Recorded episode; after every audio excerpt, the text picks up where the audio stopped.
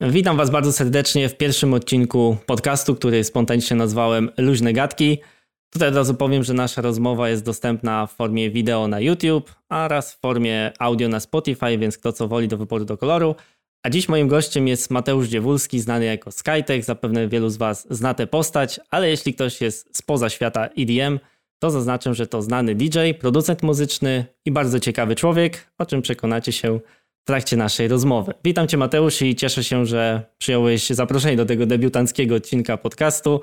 Może na początek powiedz, co u Ciebie słychać, jak Ci mija dzień i w ogóle skąd w tym momencie nagrywasz, bo o ile dobrze widzę, to z tyłu jest wełna mineralna, tak? Zgadza się. E, na początek e, muszę Cię, Tomek, pochwalić za fantastyczną e, nazwę tego nowego formatu. Bardzo mi się spodobała.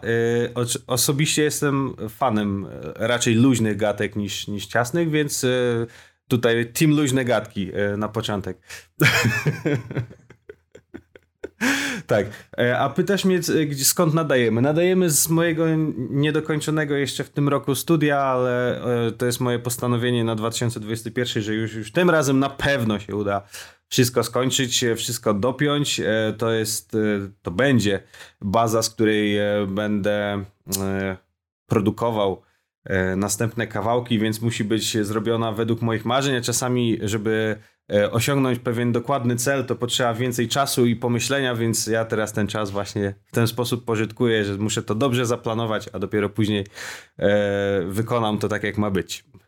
Rozumiem, ale to na jakim etapie jest w tym momencie ta budowa studia? Bo widzę, że to skoro wełna jest mineralna, to jest e, etap wygłuszania całości, tak? Akustyki? Czy, czy znaczy, generalnie tą wełnę kupiłem dlatego, e, że e, no, jest wełną akustyczną, więc działa zupełnie tak jak panele akustyczne i z pewnym zamiennikiem.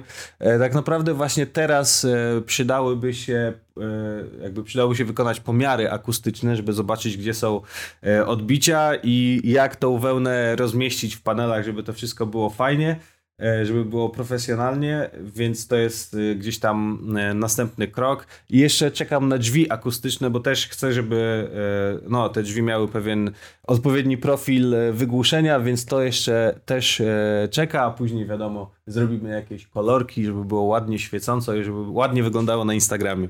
Oczywiście, ale e, bo wiesz, te, te panele, co widzisz z tyłu za mną, to właśnie też są z wełny mineralnej. Dawno, dawno temu budowałem i powiem ci, że naprawdę to działa, bo jak kiedyś sprzątałem e, cały pokój i musiałem to wystawić, to była różnica, wiesz, e, w brzmieniu, także to naprawdę działa, fajny to jest. Tylko trzeba troszkę samemu tam podziałać przy tym, ale efekt jest jak najbardziej zadowalający. Nawet u mnie przy tych kilku panelach jest różnica w pokoju, jeśli chodzi o akustykę, także fajna, fajna opcja z tym jest. I chciałem e, właśnie może tak, żeby zagaić jakiś taki temat, e, zaczniemy może od tematów muzycznych mm, i aktualnych e, gdzieś w tym momencie. Chciałem zapytać, jaka była twoja reakcja w momencie, gdy dowiedziałeś się o tych wszystkich zakazach związanych z odwołaniem imprez, no i tym, że nagle trzeba kompletnie zmienić swój kalendarz na cały rok i jednak spojrzeć na całą sprawę inaczej i jakoś wszystko w ogóle inaczej zaplanować. Jaka była twoja pierwsza reakcja? No ja szczerze mówiąc nie spodziewałem się, że to potrwa aż tak długo. E, myślałem, że mamy, że tak powiem, pozamiatane trzy miesiące gdzieś tam do lata, ale że lato odbędzie się w miarę normalnie i e, wszystko to wróci do normy, ale nie doceniłem po prostu e, powagi sytuacji. Okazało się, że, że no, praktycznie trwa to cały czas do dzisiaj i, i w zasadzie końca nie widać. Reakcja moja była, raczej starałem się ja raczej podchodzę na spokojnie do takich spraw i wiadomo, że e, no, moje oczekiwania wobec długości tego, tej, tej, nazwijmy to, kwarantanny były takie, że będzie krótsza, natomiast e, no, jakby podchodziłem z, z dużą nadzieją, że szybko to się skończy e, i nie wywrze aż tak wielkiego wpływu, co się nie wydarzyło, bo wywarło gigantyczny wpływ na na wszystko, na całą scenę, na muzykę, ale zaczynam dostrzegać pewne pozytywy, ale o tym może za chwilę. No właśnie tak miałem zapytać, czyli e, generalnie nie, nie miałeś jakiegoś takiego przerażenia z całą sytuacją i zakładałeś, że to będzie trwało krócej, ale nawet jak trwa dłużej, to tragedii aktualnie nie ma, tak? Nie, nie, absolutnie nie byłem przerażony. E, z punktu widzenia tego, że, że nie zagram tych kilkunastu imprez, oczywiście nie byłem zadowolony, natomiast e, zawsze no, staram się doszukiwać dodatkowych szans. No tutaj dla mnie to był e, jakby sygnał do tego, żeby spędzić czas e, w studio i e, jakby może też to był mój błąd, że automatycznie dałem oczekiwanie samemu sobie, że spędzę ten czas efektywnie w studio. Okazało się, że ten czas był kompletnie nieefektywny w większości. E, no ale tak miało być. It is what it is. Mhm. Dobra, to fajnie. A właśnie jakieś może zainteresowania rozwijałeś, skoro się pojawiło tutaj więcej czasu, coś poza muzycznego, czy w pełni się muzyce oddałeś i właśnie budowie studia i innych jakichś rzeczach związanych z tym, co robiłeś wcześniej?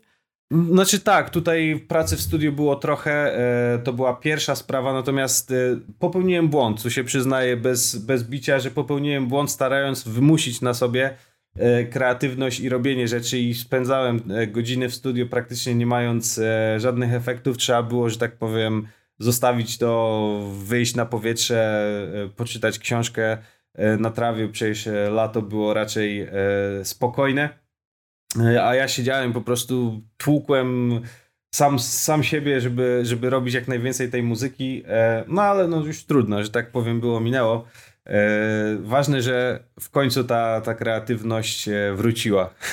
No niestety kreatywność nie lubi przymusu i jednak woli wolność zdecydowanie i wtedy wpadają jakieś, jakieś pomysły, to rozumiem, że u ciebie to też jest bliżej tego, żeby stawiać na taki luz niż niż próbować się zmusić, tak? Bo jednak otrzymałeś zupełnie odwrotny efekt i raczej blokadę kreatywną niż przypływ kreatywności.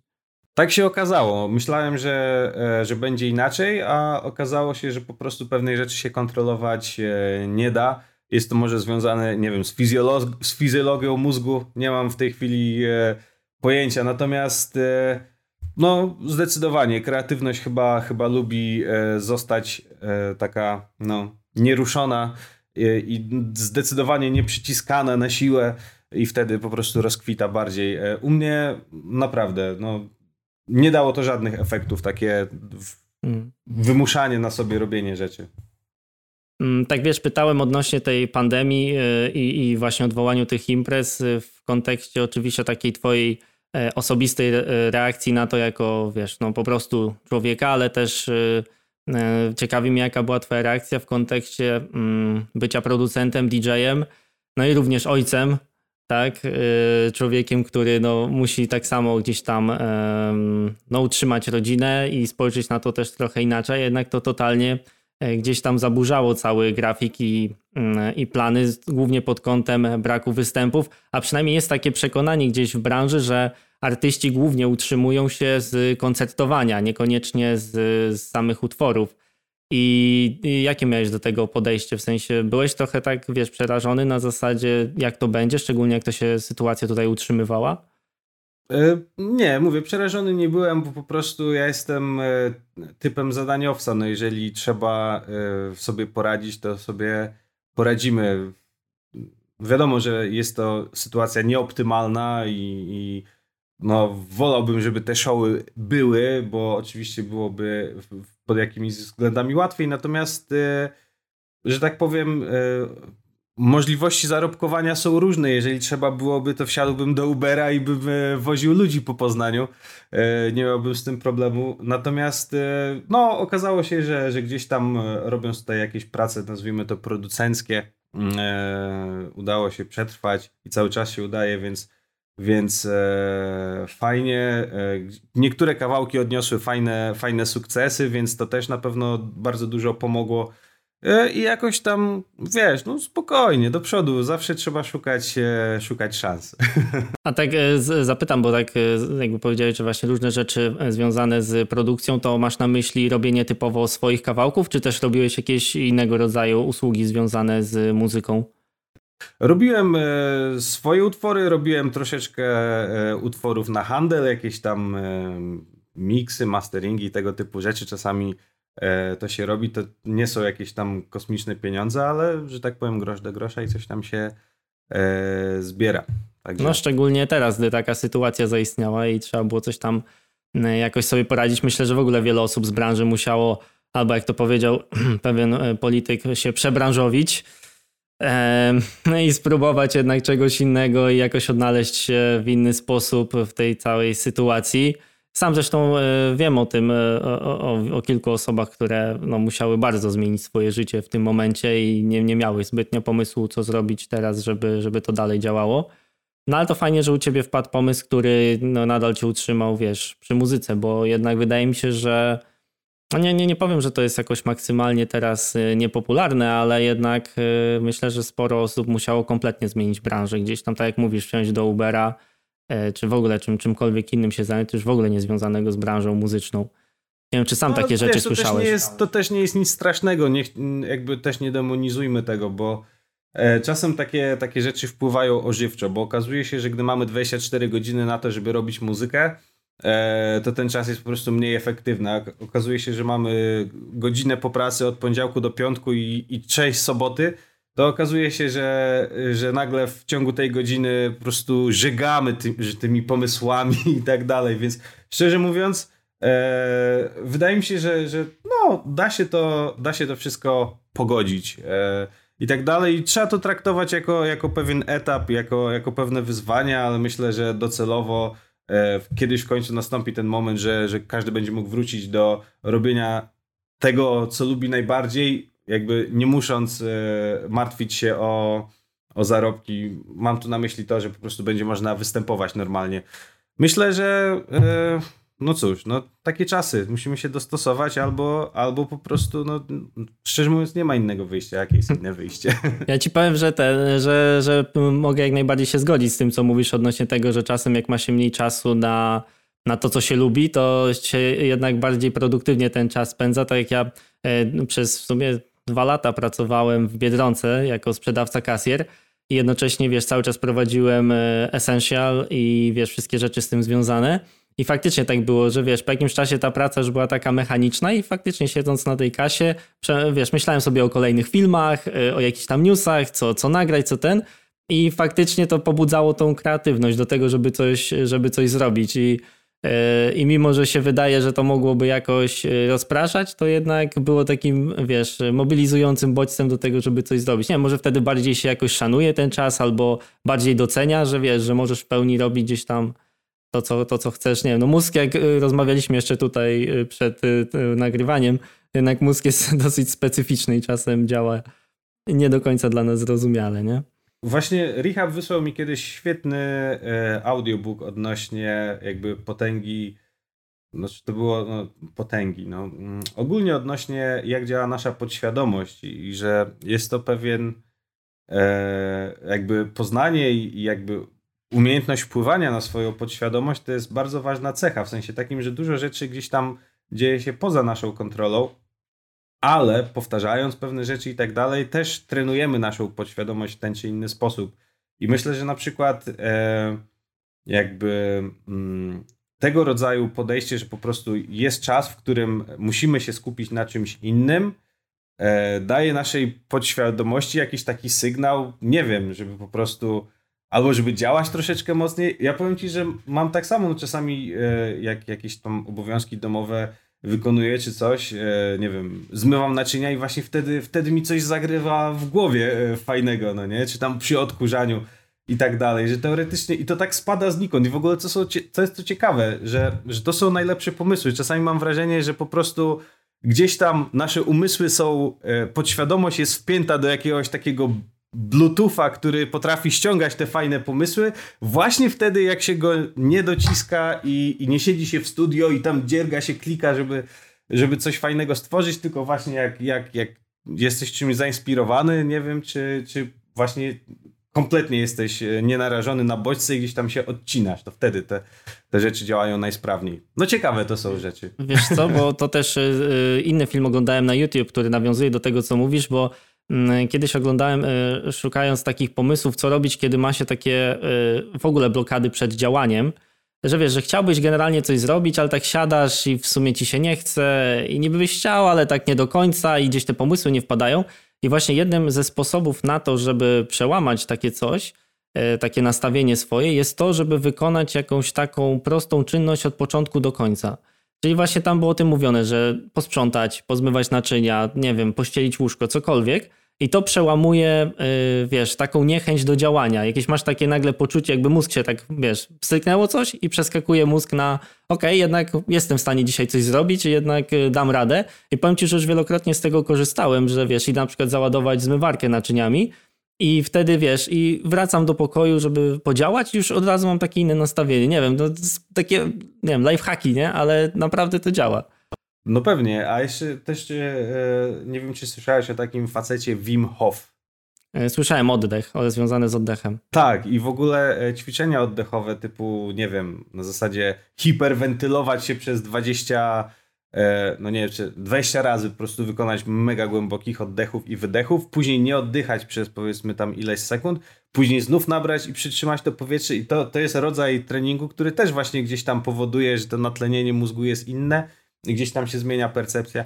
No trzeba, trzeba szukać różnego rodzaju, e, że tak powiem, lifehacków, żeby tą kreatywność pobudzać, bo my jako ludzie z branży kreatywnej musimy, zwłaszcza w tych czasach, które po prostu zamęt jest na każdym kroku i wszystko z każdej strony chcecie tylko wkurzyć, żeby nie powiedzieć mocniej, e, hmm. to właśnie, właśnie trzeba stawić temu czoła i właśnie na przekór, zachować spokój i, i, i myśleć racjonalnie, bo tak jak zresztą widzimy troszeczkę dookoła, im mniej racjonalnie, tym gorzej dla nas wszystkich e, i tylko popadamy w coraz gorszy zamęt. Ale to już jest kolejny temat. No Jasne, ale tak powiedziałeś odnośnie tego spokoju i oddechu, to tak mi się skojarzyło od razu też z medytacją. Próbowałeś kiedyś medytacji? Nie, nie, nie, nie.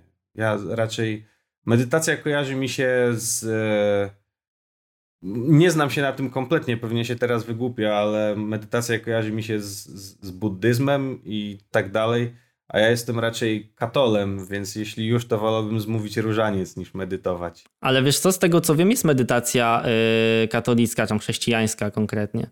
Jest coś, jest coś takiego. Są rodzaje czu, czuwań modlitewnych i tak dalej. Myślę, że ogólnie e, rodzaj takiego wyciszenia, jak, z jakiejkolwiek kultury byśmy nie pochodzili, jest pewną wartością, właśnie, właśnie jest takim lekarstwem na, ten, ten, na to przebodźcowanie. Po prostu te atakujące z każdej strony nagłówki, głosy, emocje, e, że po prostu czasami właśnie czy przez medytację, czy przez coś, coś rodzaj takiego czuwania warto e, się po prostu odciąć i, i, i gdzieś tam poszukać tego wewnętrznego głosu. No, ja akurat powiem ci, że próbowałem medytacji i na mnie bardzo fajnie to działało, jako taki element y, po prostu wyciszenia, wiesz, nie jakichś takich wielkich y, podróży tam astralnych, czy wiesz, innych tego typu rzeczy, tylko po prostu jako element wyciszenia połączony z oddechem i powiem szczerze, że mm, polecam. W sensie wiem, że są różne nastawienia do tego, ale jeżeli chodzi o sam efekt wyciszenia, to naprawdę bardzo fajne, fajne efekty można uzyskać. E, I tak wspomniałeś o tym zamęcie na świecie, i mam tutaj zapisany taki jeden temat, który e, bardzo chciałbym poruszyć w rozmowie z Tobą.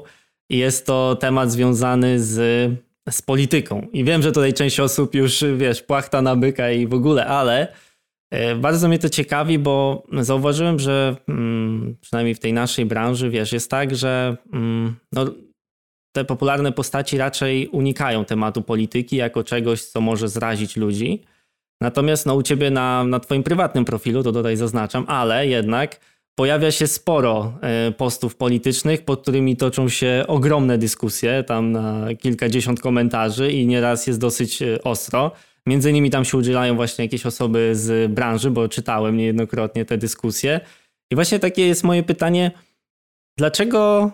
Yy znaczy może inaczej, skąd masz taką odwagę, czy, czy, czy taką chęć e, dzielenia się z tym, jednocześnie wiedząc, że no, że wiesz, że może to takie gdzieś emocje wywoływać. W sensie nie boisz się tego, że wiesz, możesz jakichś ludzi zrazić do siebie, że ktoś będzie, wiesz, po innej stronie barykady gdzieś tam e, w kontaktach z tobą po, po, po takiej informacji? Nie, nie boję się i bardzo dużo ludzi jest po innej stronie barykady, ale no, rozmawiamy, no, po to mamy rozum, żeby y, poszukiwać prawdy, żeby rozmawiać na, na tematy ważne, e, mieć swoje przemyślenia i myślę, że no w tych czasach, jeżeli nie możemy się spotykać, pójść na piwo e, czy na inny alkohol i pogadać o tym, to robimy to na Facebooku. No ja domyślam się, że zwłaszcza teraz jakby ogniwo sporu jest, jest, jest w takim miejscu, że no ciężkie sprawy to są i prawdopodobnie jestem w pewnej mniejszości, przynajmniej patrząc na to, jakie są nastroje właśnie w social mediach. W sensie takim, że raczej więcej dociera do mnie e, informacji z, właśnie z, za tej drugiej strony barykady.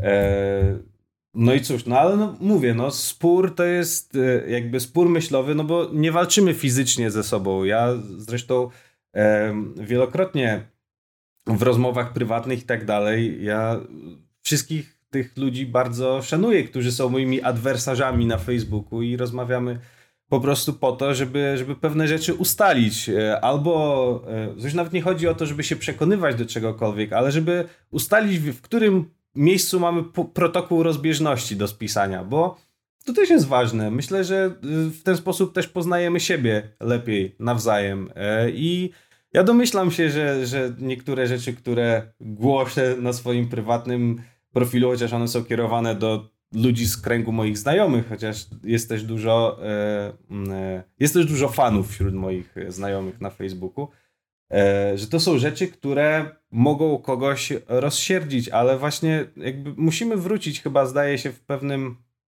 e, pewnym sposobie toczenia e, rozmów do tego, żeby właśnie dać sobie mówić, że klimat e, niektórzy próbują wprowadzić taki, że jedni mogą mówić, drudzy nie mogą mówić. Ja uważam, że no, trzeba ze sobą rozmawiać i trzeba punktować siebie. Jeżeli ktoś mnie punktuje, to ja jestem za to wdzięczny, bo jeżeli gdzieś się mylę, to jest to dla mnie szansa, żeby się poprawić, doczytać, ale no na ogół e, tak, no mam nadzieję, że, że ja wiem, że to może zaszkodzić, ale mam nadzieję, że raczej wynikają z tego dobre rzeczy i e, po prostu to, co ja czuję wobec tego, jak się wypowiadam, to też czują ludzie, z którymi e, rozmawiam na tych internetach. No właśnie, to zapytam tak w obie strony, bo miałeś może taką sytuację, że ktoś na przykład y, no w związku z tymi postami powiedzmy gdzieś tam mocno ograniczył, czy, czy, czy gdzieś tam zakończył z tobą znajomość, albo wręcz przeciwnie, że ktoś y, przyjął twój punkt widzenia i uznał, że kurde, to faktycznie on ma rację i warto było na to spojrzeć z drugiej strony. Miałeś jakieś takie sytuacje, czy, czy raczej nie, nie, nie ma? Zacznę od tej drugiej rzeczy. Nie ma to w zasadzie dla mnie wielkiego znaczenia, czy ktoś uzna, że mam rację, bo to, że tak powiem, są, to, są, to jest to, co ja myślę i, i, i że tak powiem, jeżeli ktoś się z tym zgadza, to, to fajnie, ale nie jest to dla mnie jakby celem tego wszystkiego, e, żeby, żeby ktoś się ze mną zgadzał. E, może to jest właśnie, e, może to jest źle, że może właśnie o to chodzi, żeby ktoś się zgadzał z tym, co mówisz. No ale z drugiej strony, no to wtedy nie byłoby do końca szczere. Natomiast y, jeżeli są osoby, które. E, jeżeli są. Przepraszam, poprawię. O, bo się zleciało. Jeżeli są osoby, które na przykład ze względu na moje poglądy nie chcą ze mną prowadzić jakichś tam rodzaju biznesów, to ja o tym szczerze mówiąc nie wiem, bo nikt nie powiedział mi, o, ty to jesteś prawakiem, więc ja z tobą nie rozmawiam. Ale co ciekawe, był jeden ananasek, który e, jakby ja prowadzę, jakby robię pewne działania z kimś i wypowiedziałem się u niego e, w komentarzach i w związku z tym, że ten człowiek ma znajomych powiedzmy z troszeczkę innej bajki, to ci jego znajomi wymagali na tym swoim kumplu, żeby on ze mną wiesz, nie rozmawiał i wiesz, i wypierdala i tak dalej, no nie? No to, że tak powiem, e, no nieeleganckie to jest zachowanie. Mhm. Uważam, że, że, że tak powiem Myślę, że trzeba w tym szukać pewnych pozytywów w tym wszystkim. E, jeżeli nawet toczymy spór na niwie ideowej, to nie widzę powodu, dlaczego miało to by stać mocno jakoś w sprzeczności z jakimiś działaniami biznesowymi i przynajmniej dla mnie nie ma to wielkiego No właśnie, znaczenia. właśnie w tym kontekście chciałem też zapytać, czy nie, nie obawiasz się, że, że może to mieć jakiś wpływ na, wiesz, na twoją karierę, w sensie takim też odnośnie gdzieś grania i, i tego typu rzeczy, bo wiesz, chodzi o to, że jakby poziom napięcia w kraju jest tak duży, że wiesz, że ludzie różnie na to reagują, nie? Jakby tym twoim nastawieniem może być po prostu rozmowa, ale dla niektórych to są sprawy dosłownie życia i śmierci. I no w zasadzie mówimy też... o sprawach życia i śmierci, to no też, jest, tak. też jest prawda.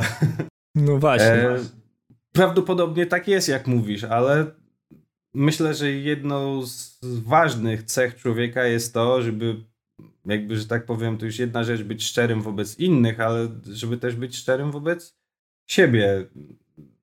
Nie chciałbym, żeby niczyj głos był zagłuszany, jeżeli to jest to, co faktycznie czuję. Ja mam troszeczkę inne zdania w niektórych sprawach, ktoś ma troszeczkę innych.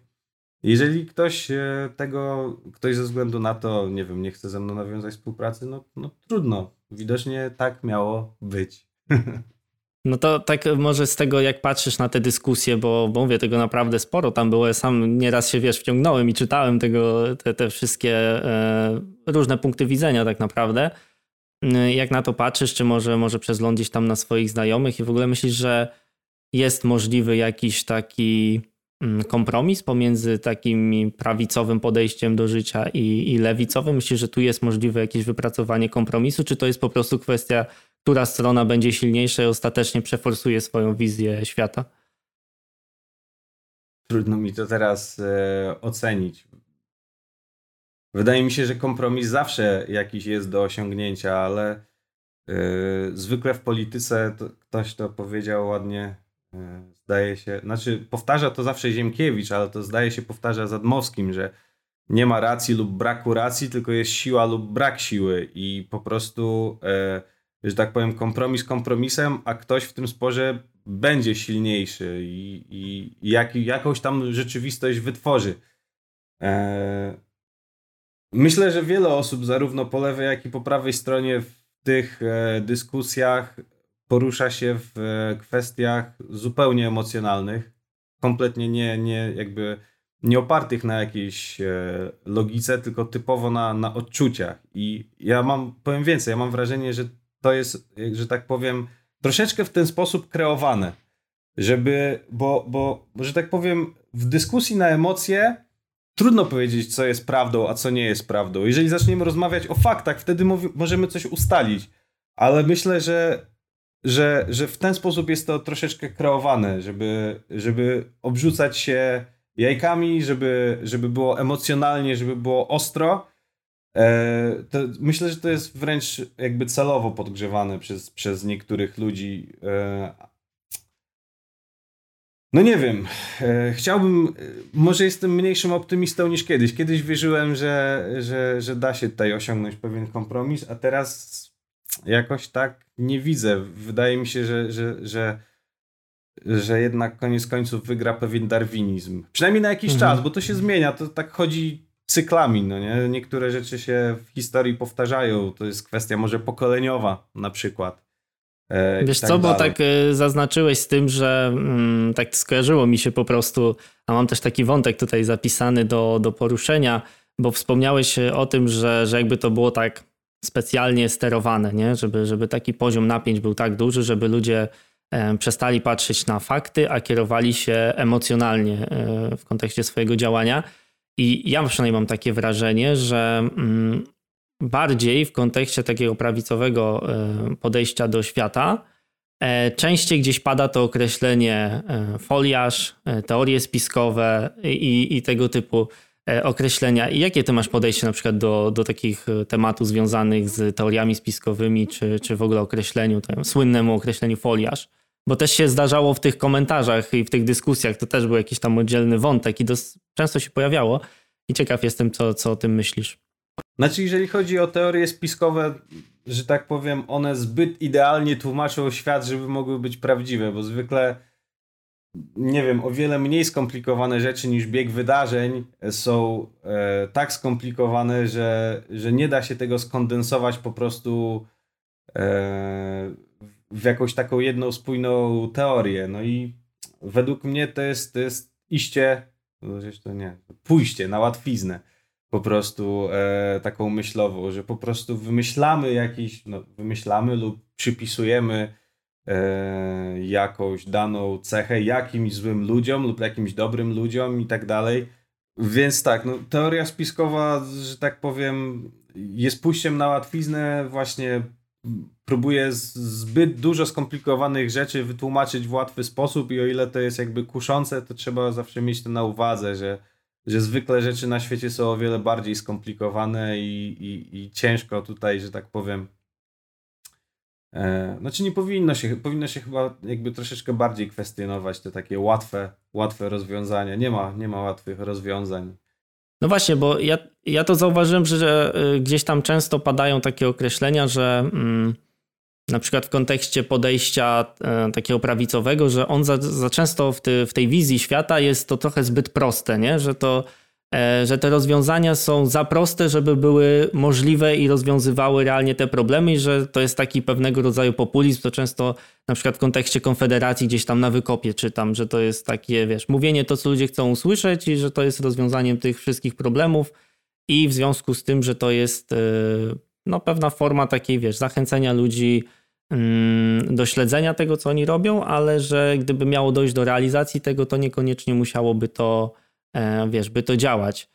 I, I to mi się właśnie też tak skojarzyło od razu, wiesz, z tym pewnym, znaczy inaczej może powiem, bo źle to chciałem mówić, że wiesz, że często gdy wrzucasz takie proste rozwiązania skomplikowanych problemów, gdzie czasami no faktycznie no tak jest, że to działa, to też trafiasz od razu, wiesz, do pewnego takiego zbiorczego worka e, foliarzy czy ludzi, którzy krzewią jakieś, wiesz, teorie spiskowe i że ciężko w tym momencie gdzieś znaleźć jakąś taką granicę, czy czy po prostu jakiś znaleźć taki, wiesz, rozgranicznik, wyraźną granicę pomiędzy takim faktycznie teoriami spiskowymi i byciem foliarzem, tym takim bardzo mocnym, a tym, kiedy mówisz, wiesz, proste prawdy, które po prostu działają.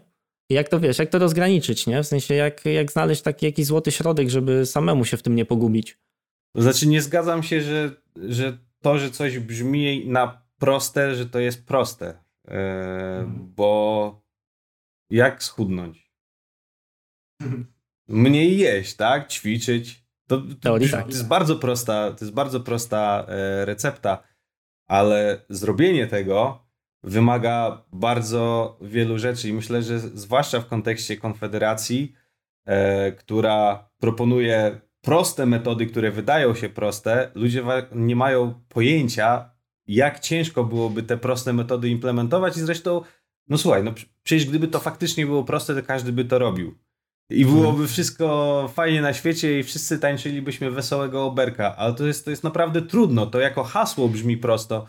I e, mówisz o prawicowych, e, o prawicowym patrzeniu na świat, że dużo jest takich rzeczy. Faktycznie jest dużo takich rzeczy, że jeżeli jest, e, nie wiem, mm, dajmy na to, jakiś prawicowy pogląd, który mówi, że należy robić tak. Mhm. E, I to się wydaje proste, że o, on powiedział, że należy robić tak, ale jakby to jest tylko pierwsze spojrzenie, ale jak zaczniemy grzebać w tym głębiej, okaże się, jak bardzo gdzieś tam natura przeszkadza nam w tym, żeby. No przecież jak trudne może być na przykład, dajmy sobie na to, niekłamanie że e, ktoś powie, od dzisiaj nie kłamie. I myślisz, przez ile czasu e, wytrwa w tym postanowieniu? No jest to trudne pod wieloma względami, nie? Takie obcowania z ludźmi, poruszania się w świecie, no jest to dosyć trudne, nie? Przykład, to jest, to jest przykład. E, jak na przykład ktoś powie, od dzisiaj nie piję, co często słyszymy. Myśli, że wytrwa w tym długo, jeżeli nagle stwierdza i ad hoc, że od dzisiaj nie pije i, i nagle przestanie pić na całe życie, to myślę, że to jest. To brzmi jak proste rozwiązanie, ale to tak naprawdę nie jest proste rozwiązanie. I no nie wiem, no, że tak powiem, ja staram się właśnie kierować się e, jakby. No może nie o to chodzi, że prostymi rozwiązaniami, ale po prostu no staram się przynajmniej właśnie nie, nie popadać w jakieś emocje w tym wszystkim. E, I, tak mi się przypomniało, jak na tych warsztatach, jak prowadziłeś wykład na Surrounded Audio, mówiłeś, że jeśli da się zanucić, to jest dobre. I zapamiętałem to już, wiesz, tak odnośnie to jest oczywiście melodii, prawda? Ale wiesz, coś w tym jest, tylko z drugiej strony tak samo w muzyce jest, że wydaje się, no to co to za problem zrobić prostą melodię, którą każdy nuci, nie? Ale jednocześnie jest to ogromne wyzwanie, żeby jednak to zrobić. A muszę ci coś powiedzieć, bo ostatnio widziałem na YouTubie rozmowę Garixa, Davida Getty i Timbalanda mhm. i oni właśnie też chyba z 15 minut rozmawiali o tym, jak właśnie ciężko jest zrobić coś, co brzmi, bo to nie jest to, że to jest proste, to brzmi jak, jakby było proste, ale w rzeczywistości tam się dużo więcej rzeczy dzieje. Czasami brzmi jak, jak coś wręcz idiotycznego, ale to jest po prostu mhm. super i nawet nie wiesz do końca, dlaczego to jest super. No przecież bądźmy szczerzy, Garrix Animals to jest, to jest, to jest jakieś uderzenie w kubek, grana melodyjka, w której jest może, nie wiem, ze 12 nut, ale to jest genialne.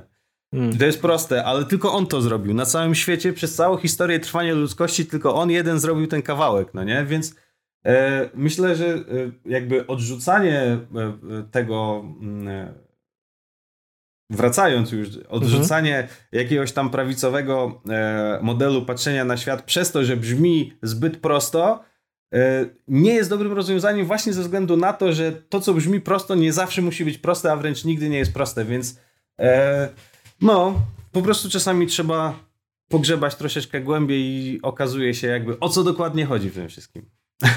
No to wracając może trochę też do tematów muzycznych, bo wiem, że wiesz, niektórzy nie lubią tam słuchać o tego typu rzeczach. Może tutaj mam nadzieję, chociaż trochę e, posłuchali czegoś, dowiedzieli się więcej, czy o twoim patrzeniu na świat, czy w ogóle może o różnym, różnych konceptach na spojrzenia na, na rzeczywistość, która nas otacza. I e, chciałem zapytać jeszcze odnośnie samego E, samego Spotify, to w sumie bardziej nawiązuje do początku rozmowy. Czy szczególnie w tych czasach, czy da się utrzymać samego streamingu muzyki? W sensie, wiesz, e, zarobkowo po prostu, czy, bo wszyscy teraz wrzucali te swoje podsumowania tam związane ze Spotify, ilość wyświetleń. I oczywiście wiem, że to jest też kwestia gdzieś tam umów z wytwórniami, czy samemu wydajesz i tak dalej, bo okej, okay, ale czy w ogóle to jest możliwe, żeby gdzieś w takich czasach przeżyć z samego streamingu muzyki? Myślę, że pytanie, czy się da, jeżeli stawiamy je w ten sposób, to oczywiście jasne, że się da i wiele, wiele osób tak, e, no nie wiem, no całe, całe rzesze ludzi żyją z tego, gdzieś tam z tego przemysłu e, muzycznego. Natomiast sytuacja jest taka, że w związku, no, że są trudniejsze czasy, mam wrażenie, że troszeczkę faworyzowane przez to są uznane marki, że ciężko jest zawsze jest ciężko komuś nowemu się przebić. Teoretycznie każdy chciałby czegoś nowego, ale jednak jest coś takiego, że w tych trudnych czasach e, bardziej korzystamy z tych sprawdzonych marek, więc e, jeżeli ktoś na przykład dzisiaj postanawia obrać ścieżkę kariery, że będzie tworzył muzykę i, i zarabiał ze streamingów na Spotify, to daje sobie trudne zadanie do wykonania. Natomiast jest to oczywiście do wykonania, e, bo tak naprawdę znów, no, wystarczy jedna rzecz.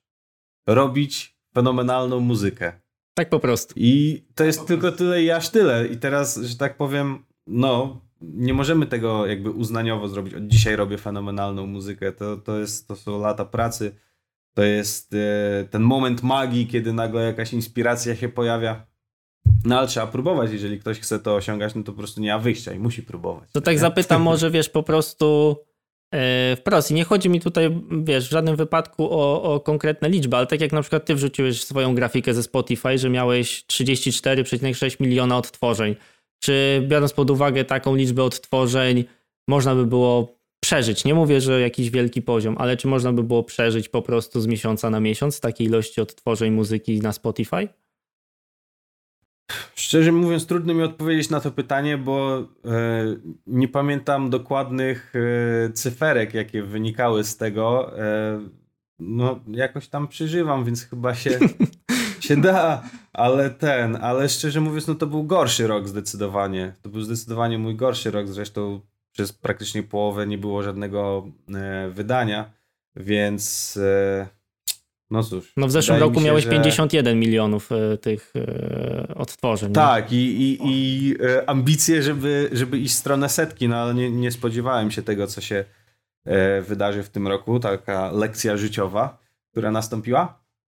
Mm. No właśnie, ale to, to też tak troszkę jest w tym kierunku, co, co mówiłeś, że na przykład być może te 51 milionów odtworzeń było związane oczywiście z tym, że grałeś, wiesz, ludzie o tobie cały czas pamiętali i tak dalej i wiesz, budowałeś swoją markę.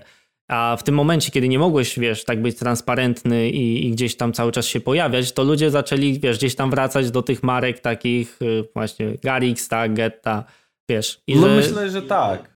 Że to Chociaż jest... cały, cały EDM troszeczkę stracił, to też trzeba zauważyć, no nie? No zdecydowanie, znaczy, ale też e, fajnie zauważyłeś z tym, że no, na, na kryzysie największe marki zyskują, nie?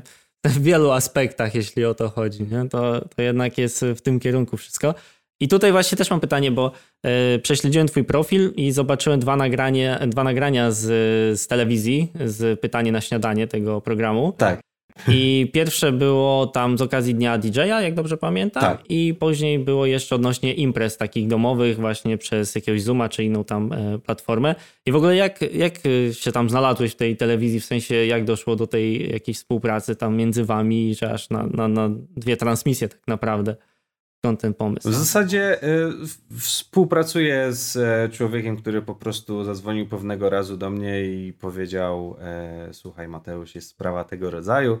E, z okazji dnia DJ-a, tutaj telewizja poszukuje DJ-a, czy masz ochotę wpaść? No ja oczywiście byłem wolny, więc mówię: Jasne, słuchaj, zrobimy i tak dalej. I przy drugiej okazji to już było właśnie łączenie przez Skype. I no, zrobiliśmy to. Nie sądzę, że to wynika z jakiejś mojej dzikiej popularności ale po prostu no miło, że akurat e, byłem w kręgu zainteresowań i fajnie. Nie, no ale to, czyli ten, czyli to taki w sumie trochę spontan, tak? I taki przypadek można powiedzieć, tak? To nie była jakaś tak, tak, planowana tak. akcja. No podobno przypadki nie istnieją, ale, ale bardzo, bardzo sympatycznie było mi, że tak powiem, uczestniczyć w tym. E, zwykle, bo wiesz, że tak powiem, my patrzymy na Spotify, patrzymy na YouTube'a, na, na cyfry i tak dalej, ale na przykład moja, moja mama najbardziej się cieszyła, że no mogła no mnie tak. zobaczyć w telewizji. Więc, e, więc jest to jakaś tam taka mała rzecz. Zresztą e, byłem niedawno u, u, u fryzjera Barbera i też właśnie pokazywała mi screeny. No przecież ty byłeś u... w pytaniu na śniadanie. Także. Co tam wielkie festiwale, nie? I regularne granie w klubach. Ważne, że byłeś w telewizji w pytaniu na śniadanie. Tak. Co tam reszta? To jest coś, co, co przemawia. Nie no, wiesz, y, jak ktoś lubi oglądać telewizję, ja szczerze mówiąc nie mam telewizji w domu takiej, no w sensie mam telewizor, ale mhm. raczej służy do oglądania YouTube'a i Netflixa. Ale jak ktoś e, lubi jeszcze kanały telewizyjne i to, co jest grane, no to myślę, że fajnie jest się pokazać również e, no, no, dla tych ludzi właśnie. Nie, no oczywiście to jest, wiesz, też jakaś tam możliwość dotarcia do jakiegoś, e, wiesz, innego też targetu, odbiorców, nie? To też zawsze fajna opcja, żeby mieć taką możliwość. A jak już jesteśmy właśnie przy telewizji, to pisałem do ciebie wcześniej na Facebooku, czy, czy oglądałeś film na Netflixie Social Dilemma, czy tam dylemat społeczny, tłumacząc na polski. Właśnie jest to film, jeżeli ktoś nie oglądał, to razu tutaj wytłumaczę. E, film związany z mm, wpływem social mediów na życie ludzi aktualnie i wpływem na, e, na politykę między innymi bardzo mocnym. I właśnie tak chciałem do tego zahaczyć, czy, czy też masz takie wrażenie, że teraz, kiedy no, jest pandemia, ludzie dużo siedzą w sieci i tak dalej, ten wpływ social mediów gdzieś tam rośnie i czy masz wrażenie, że ta eskalacja gdzieś e, tych napięć społecznych jest związana ściśle z tymi mediami społecznościowymi, czy jednak myślisz, że to gdzieś było w ludziach, ale wiesz, ale social media to tylko takie lustro, które pokazuje, że to już było, ale tam się to wydarza gdzieś tam bardziej. Czy jednak myślisz, że te social media swoimi algorytmami podkręcają cały ten temat i taką polaryzację społeczeństwa? Mm, myślę, że przez to, że w pewnym sensie jest, jest pewna bariera e, przez to, że ty jesteś przy swoim komputerze, a jestem przy swoim komputerze, e, powoduje to, że faktycznie e, ta debata się zaostrzyła bardziej niż by się zaostrzyła w normalnych, znaczy w normalnych, no w okolicznościach, gdy tych social mediów by nie było, dlatego że e, ta pewna anonimowość w internecie, która no, mimo że czasami jesteśmy z imienia i nazwiska, to że tak powiem, e, nie mówimy tego nikomu prosto w twarz, tylko dajemy kanał e, swoim jakimś frustracjom lub zachwytom. I, I w pewnym sensie to jest, to jest ciekawe. W zasadzie nie myślałem o tym, ale w pewnym sensie myślę, że komunikacja przez Facebook jest odrobinę bardziej szczera, bo czasami w kontaktach takich jeden na jeden wiele ludzi E, nie powie tego, co powie na Facebooku, co zresztą jest e, widoczne w komentarzach czasami na przykład jakby, no wiesz, no mhm. czasami to, co ludzie piszą w komentarzach nigdy nie powiedzą ci tego prosto w oczy. Więc myślę, że na pewno ma to jakąś, jakąś swoją rolę, ale też nie robiłbym z tego, że tak powiem, E, bo to by było podobne działanie jak właśnie ta teoria spiskowa, że mhm. przypisywać wszystko tylko tym social mediom. No nie, myślę, że, e, że po prostu część tych emocji po prostu była w ludziach zawsze i po prostu nigdy wcześniej nie mieli kanału do przekazywania jej w tak łatwy sposób i w tak anonimowy sposób. I w jakimś sensie się to przyczyniło, ale to nie tylko, nie tylko to jest problem. To jest tylko część część problemu. No właśnie, bo tak y, też chciałem nawiązać właśnie do Twoich postów na y, Facebooku. Generalnie masz wrażenie, że z nich wynika więcej dobrego czy, czy złego? W sensie zastanawiałeś się nad tym, czy, y, czy w związku z tymi dyskusjami, które się tam wydarzają, masz wrażenie, że generalnie idzie to w tym kierunku, że, że coś się zmieni na lepsze, czy, czy po prostu od dyskusja i, i tyle? Nie. Nie, znaczy zwykle jak, e, jak rozmawiam, większość ludzi, no, którzy, którzy są u mnie na Facebooku, znają mnie i, i mniej więcej domyślają się, co mogę napisać. E, I zresztą też są, są to ludzie, z którymi gdzieś tam już rozmawiałem wcześniej i się z, z grubsza zgadzamy w pewnych sprawach. Natomiast e, ja w ogóle w niektóre, w niektóre komentarze to za bardzo nie chciałem wchodzić w dyskusję, bo jakby to był mój pewien błąd, bo ja wtedy byłem troszeczkę troszeczkę podchorowany, siedziałem w tym telefonie, zacząłem się udzielać. Później sobie myślałem, że po prostu troszeczkę nie ma sensu, bo właśnie rozmawiam nie z człowiekiem, tylko z jakimś rozwścieczonym awatarem, który chce się wyżygać, po prostu już nie może wytrzymać tego napięcia. I stwierdziłem, że po prostu to, to że ja powiem coś właściwego, co gdzieś tam jestem w stanie udowodnić, że to jest prawda, e, dłuższym lub krótszym zdaniu, a powiedzmy sobie, że raczej komentarze to jest kilka słów, e, że to, to jest za mało, żeby kogoś przekonywać. A ja i tak sobie zacząłem zastanawiać się w ten sposób i od jakiegoś czasu w ogóle bardzo mało się udzielam na, mhm. na socjalach, że to jest moja rola, żeby kogoś edukować w jakiś sposób, czy naprostowywać. Wydaje mi się, że, że nie do końca. Hmm. Wydaje mi się, że nie.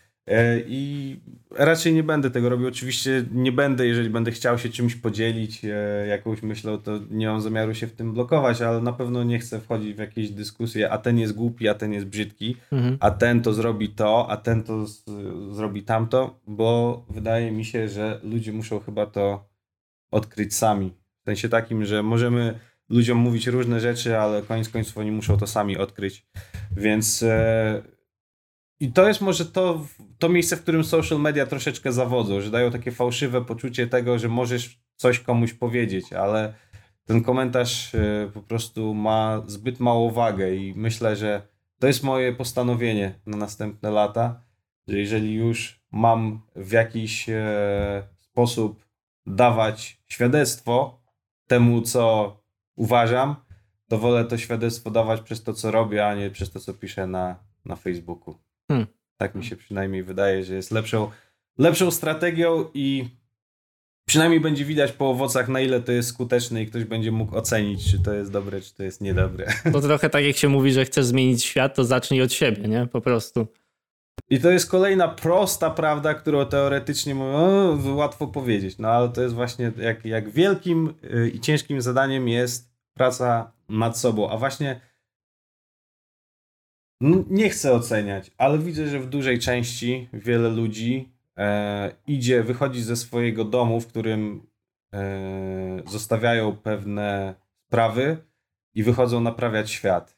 Mhm. E, a te sprawy, które gdzieś tam zostały e, niepoukładane w ich domu, po prostu e, pozostają nieuporządkowane. I myślę, że to też jest jedna rzecz, o których Jordan Peterson często mówi, że ten typ aktywisty to jest bardzo często człowiek, który e, chce naprawiać świat, a tak naprawdę ma recepty na naprawę świata, a nie ma recepty na naprawę swojego życia, tam gdzie trzeba faktycznie realną pracę włożyć i myślę, że pamiętajmy o tym i pracujmy nad sobą bardziej, bardziej niż nad innymi rzeczami, bo nie zmienimy biegu świata.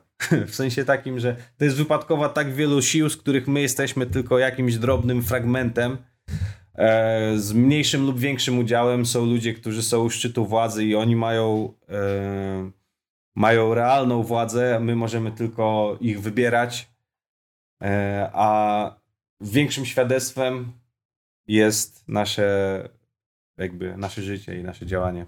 Wiesz, może też kogoś zachęcić, żeby, znaczy tymi słowami swoimi, żeby żeby obejrzał jakiś materiał właśnie Jordana.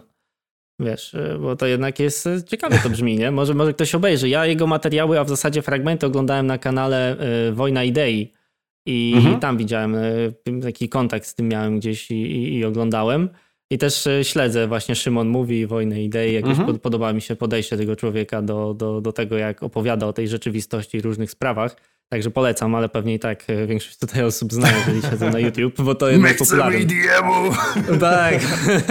Co, o czym wy w ogóle gadacie, nie? Przecież rozmawiamy ze Skytechem, a nie, wiesz, o jakieś tutaj sprawy światopoglądowe i polityczne.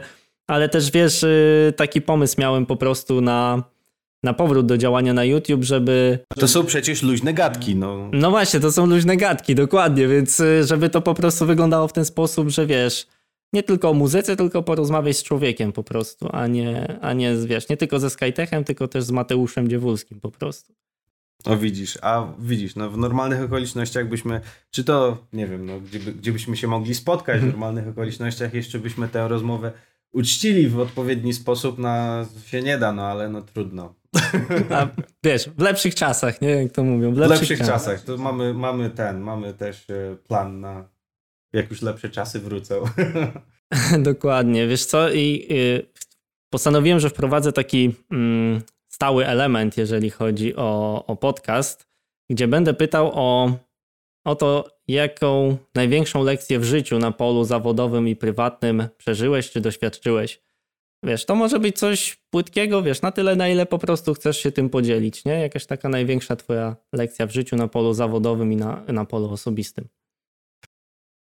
E, na polu zawodowym największa lekcja to było spotkanie Rehaba i poznanie go zdecydowanie, bo e, no, zobaczyłem po prostu człowieka, który żyje muzyką.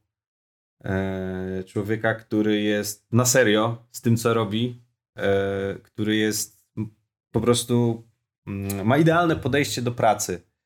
E, I wydaje mi się, że też e, do życia wie, jak osiągać swoje cele, e, jest w stanie planować i po prostu. No, fajnie by było w połowie tak pracować jak Rehab. Naprawdę. To jest, to jest człowiek, który nie bez powodu ma 934 miliony odtworzeń w zeszłym roku na Spotify i każde jedno, na każde jedno zasługuje to jest tak, że to nie jest jakieś jedno wydarzenie, które, e, które wpłynęło na mnie, ale po prostu mając okazję pracować z rehabem, zauważyłem, jak wiele trzeba zrobić, żeby przenieść pewne sprawy na, na wyższy poziom. E, I można, tak jak ze wszystkim, można lubić muzykę kogoś lub nie lubić, ale szacunek się należy po prostu ogromny za to, jak ten facet prowadzi swoją karierę, że wszystko jest po prostu u niego perfekcyjnie prowadzone, tak naprawdę. A gdybyś taki mógł jeden konkretny przykład y, czegoś podać, y, wiesz, y, co, co Znaczy tak, on na przykład to, co jest, jest naprawdę świetne, to jest to, że zawsze wie, jaki wykonać następny krok. To jest, to jest, myślę, że też to jest mięsień w człowieku. E, który trzeba ćwiczyć, że ja na przykład właśnie w 2020 roku miałem ten moment, w którym troszeczkę nie wiedziałem co dalej, bo miałem wrażenie, że pewna formuła się wyczerpała, trzeba znaleźć nowy sound, ale jaki i tak dalej. To są pewne dylematy, e, które, e, które przychodzą. Ja mam wrażenie, że Rehab to jest gościu, który może nigdy, nigdy nie przestać. On po prostu zawsze ma pomysł, zawsze e, jest gotowy do pracy, jest gotowy do wszelkich poświęceń, żeby osiągać swoje cele.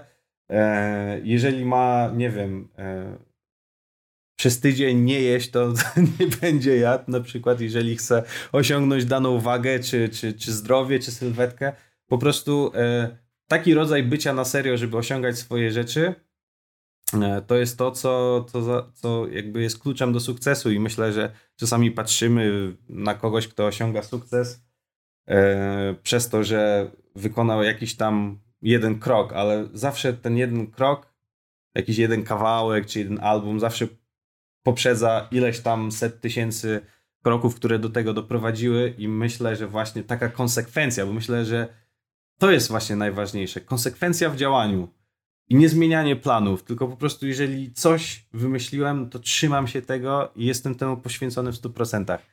To jest e, lekcja, którą jakby, wy, jakby wyciągam e, pracując e, z rehabem. E, no i że tak powiem, daj Boże każdemu tyle siły wewnętrznej, bo to właśnie bardzo dużo potrzeba samozaparcia, żeby e, tak mocno potrafić samego siebie zdyscyplinować, żeby, żeby osiągać e, to, o czym się marzy. Czyli w życie. sumie można powiedzieć, że rehab to jest takie uosobienie wprowadzania w życie tych prostych prawd, które są takie trudne do wprowadzenia. Tak, właśnie on, on daje takie poczucie, że, że można. Mhm. Że po prostu, e, że da się i e, nie ma co sobie dawać wymówek, tylko trzeba sobie dawać motywację, ale też nie w taki, taki głupkowaty, coachingowy sposób, no nie? Mhm. Tylko realnie, nie? Patrząc realnie e, na, na sytuację. A na polu osobistym to na pewno założenie rodziny to, było to było coś takiego, co może nie to, że mnie zmieniło, bo ja się spodziewałem, jak może wyglądać moje życie kiedyś, kiedyś, gdy będę miał rodzinę, ale e, dużo rzeczy się takich dzieje, które nawet mimo, że się ich spodziewasz, one się wydarzają, a i tak jesteś pozamiatany, także... E, także myślę, że to było też takie, takie duże wydarzenie. I myślę, że też bardzo duży wpływ na, na jakby na twórczość, na muzykę miało pojawienie się dzieci i tak dalej, bo też oczywiście e, tak naprawdę myślę, że, że większość pojemności mózgu wypełniają e, rzeczy związane z dziećmi, a tak naprawdę muzyka ma jakiś tam, jakiś tam swój kącik i tam sobie dojrzewa, e, ale jakby dobre życie rodziny jest, jest, jest przede wszystkim, e, więc, więc tak, myślę, że to był bardzo, bardzo milowy krok. Najważniejszy, nie? Zresztą wiesz, fajnie się ogląda te, te wasze zdjęcia, jak wiesz, sobie przeglądam, to jak zawsze się miło robi po prostu, że, że wiesz, że można zobaczyć taki obraz y, fajnej rodziny. No nie wiem, to wiesz, teraz nie jest taka popularna sprawa, umówmy się, no raczej jest takie nastawienie, że że wiesz, że, że, że wszędzie jest ciężko, nie? I że są jakieś takie skrajne problemy, a tutaj po prostu można sobie spojrzeć, że może być y, normalnie, tak po ludzku, no. Po No prostu. bywa, bywa czasami, no ze wszystkim potrafi być e, ciężko. No takie jest życie, czasami jest e, troszkę lepiej, czasami jest troszkę gorzej. E, mogą się pojawić jakieś problemy w każdej chwili, ale po prostu właśnie e, to też jest jedna rzecz, o którą, którą ja czułem, ale Jordan Peterson troszeczkę mi to po, ubrał w słowa, że nic nie daje, że różne są rzeczy, że patrzymy na Instagramie, na te jakieś tam e, fantastyczne miejsca na ziemi, do których marzymy, żeby Mhm. dotrzeć, czy, czy, czy tak dalej, ale tak naprawdę mm, poczucie sensu życia jest niezwiązane z tymi rzeczami takimi materialnymi, to jest niby Mhm. truizm, więc a, wręcz, ale e, no, jak można się do tego doświadczyć na własnej skórze, to to się, że tak powiem, e, podwójnie uwiarygadnia, więc e, poczucie sensu życia e, wzrosło tutaj bardzo wysoko e, i, że tak powiem, nie wiem, etapy depresyjne troszeczkę dzięki temu mogą zejść na, na drugi plan czasami. Jak jest trudne, jak nie możesz wycisnąć tego kawałka, to sobie możesz pomyśleć, że dobra, okej, wyjdę z tego studia i pójdę i po prostu dzieciaki są w domu i się pobawimy klaskami będzie super.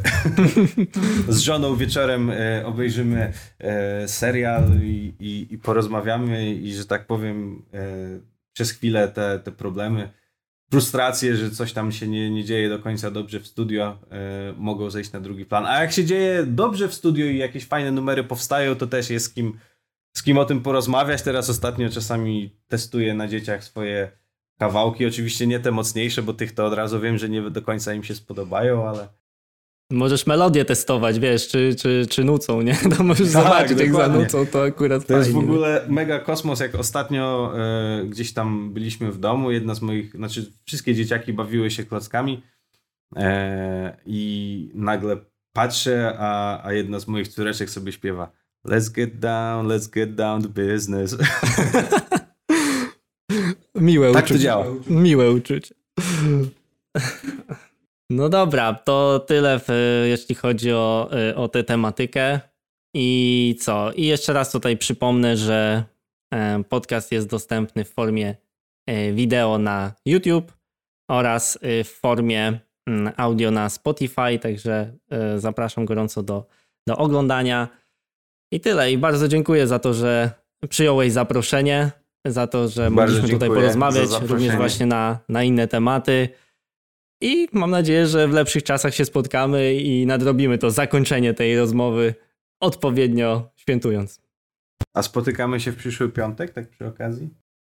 Przyszły piątek? Eee, tak. tak. No to widzisz. No to akurat, no to mamy okazję, mamy miejsce, także fantastycznie to widzisz. Nie, nie, nie tak daleko, nie? Myślałem, że będzie, że będzie dłużej z tematem, ale faktycznie widzimy się w piątek, także super. Także jeszcze raz dziękuję za rozmowę. Fajnie było porozmawiać, fajnie było zobaczyć Twój punkt, usłyszeć Twój punkt widzenia na, na różne sprawy. I mam nadzieję, że Tobie też się fajnie tutaj rozmawiało. E, Jasne, oczywiście. Dziękuję serdecznie za zaproszenie. Miło było porozmawiać, chociaż mnie nazwałeś foliarzem w pewnym momencie, no ale. Nie, kiedy? nie, nie, nie, nie, nie, nie. Ja to od razu prostuję, nie było żadnych insynuacji i, i nie, kompletnie nie. kompletnie nie. Dobrze. Dobra, tyle. Mam nadzieję, że fajnie Wam się słuchało i do zobaczenia w kolejnych materiałach.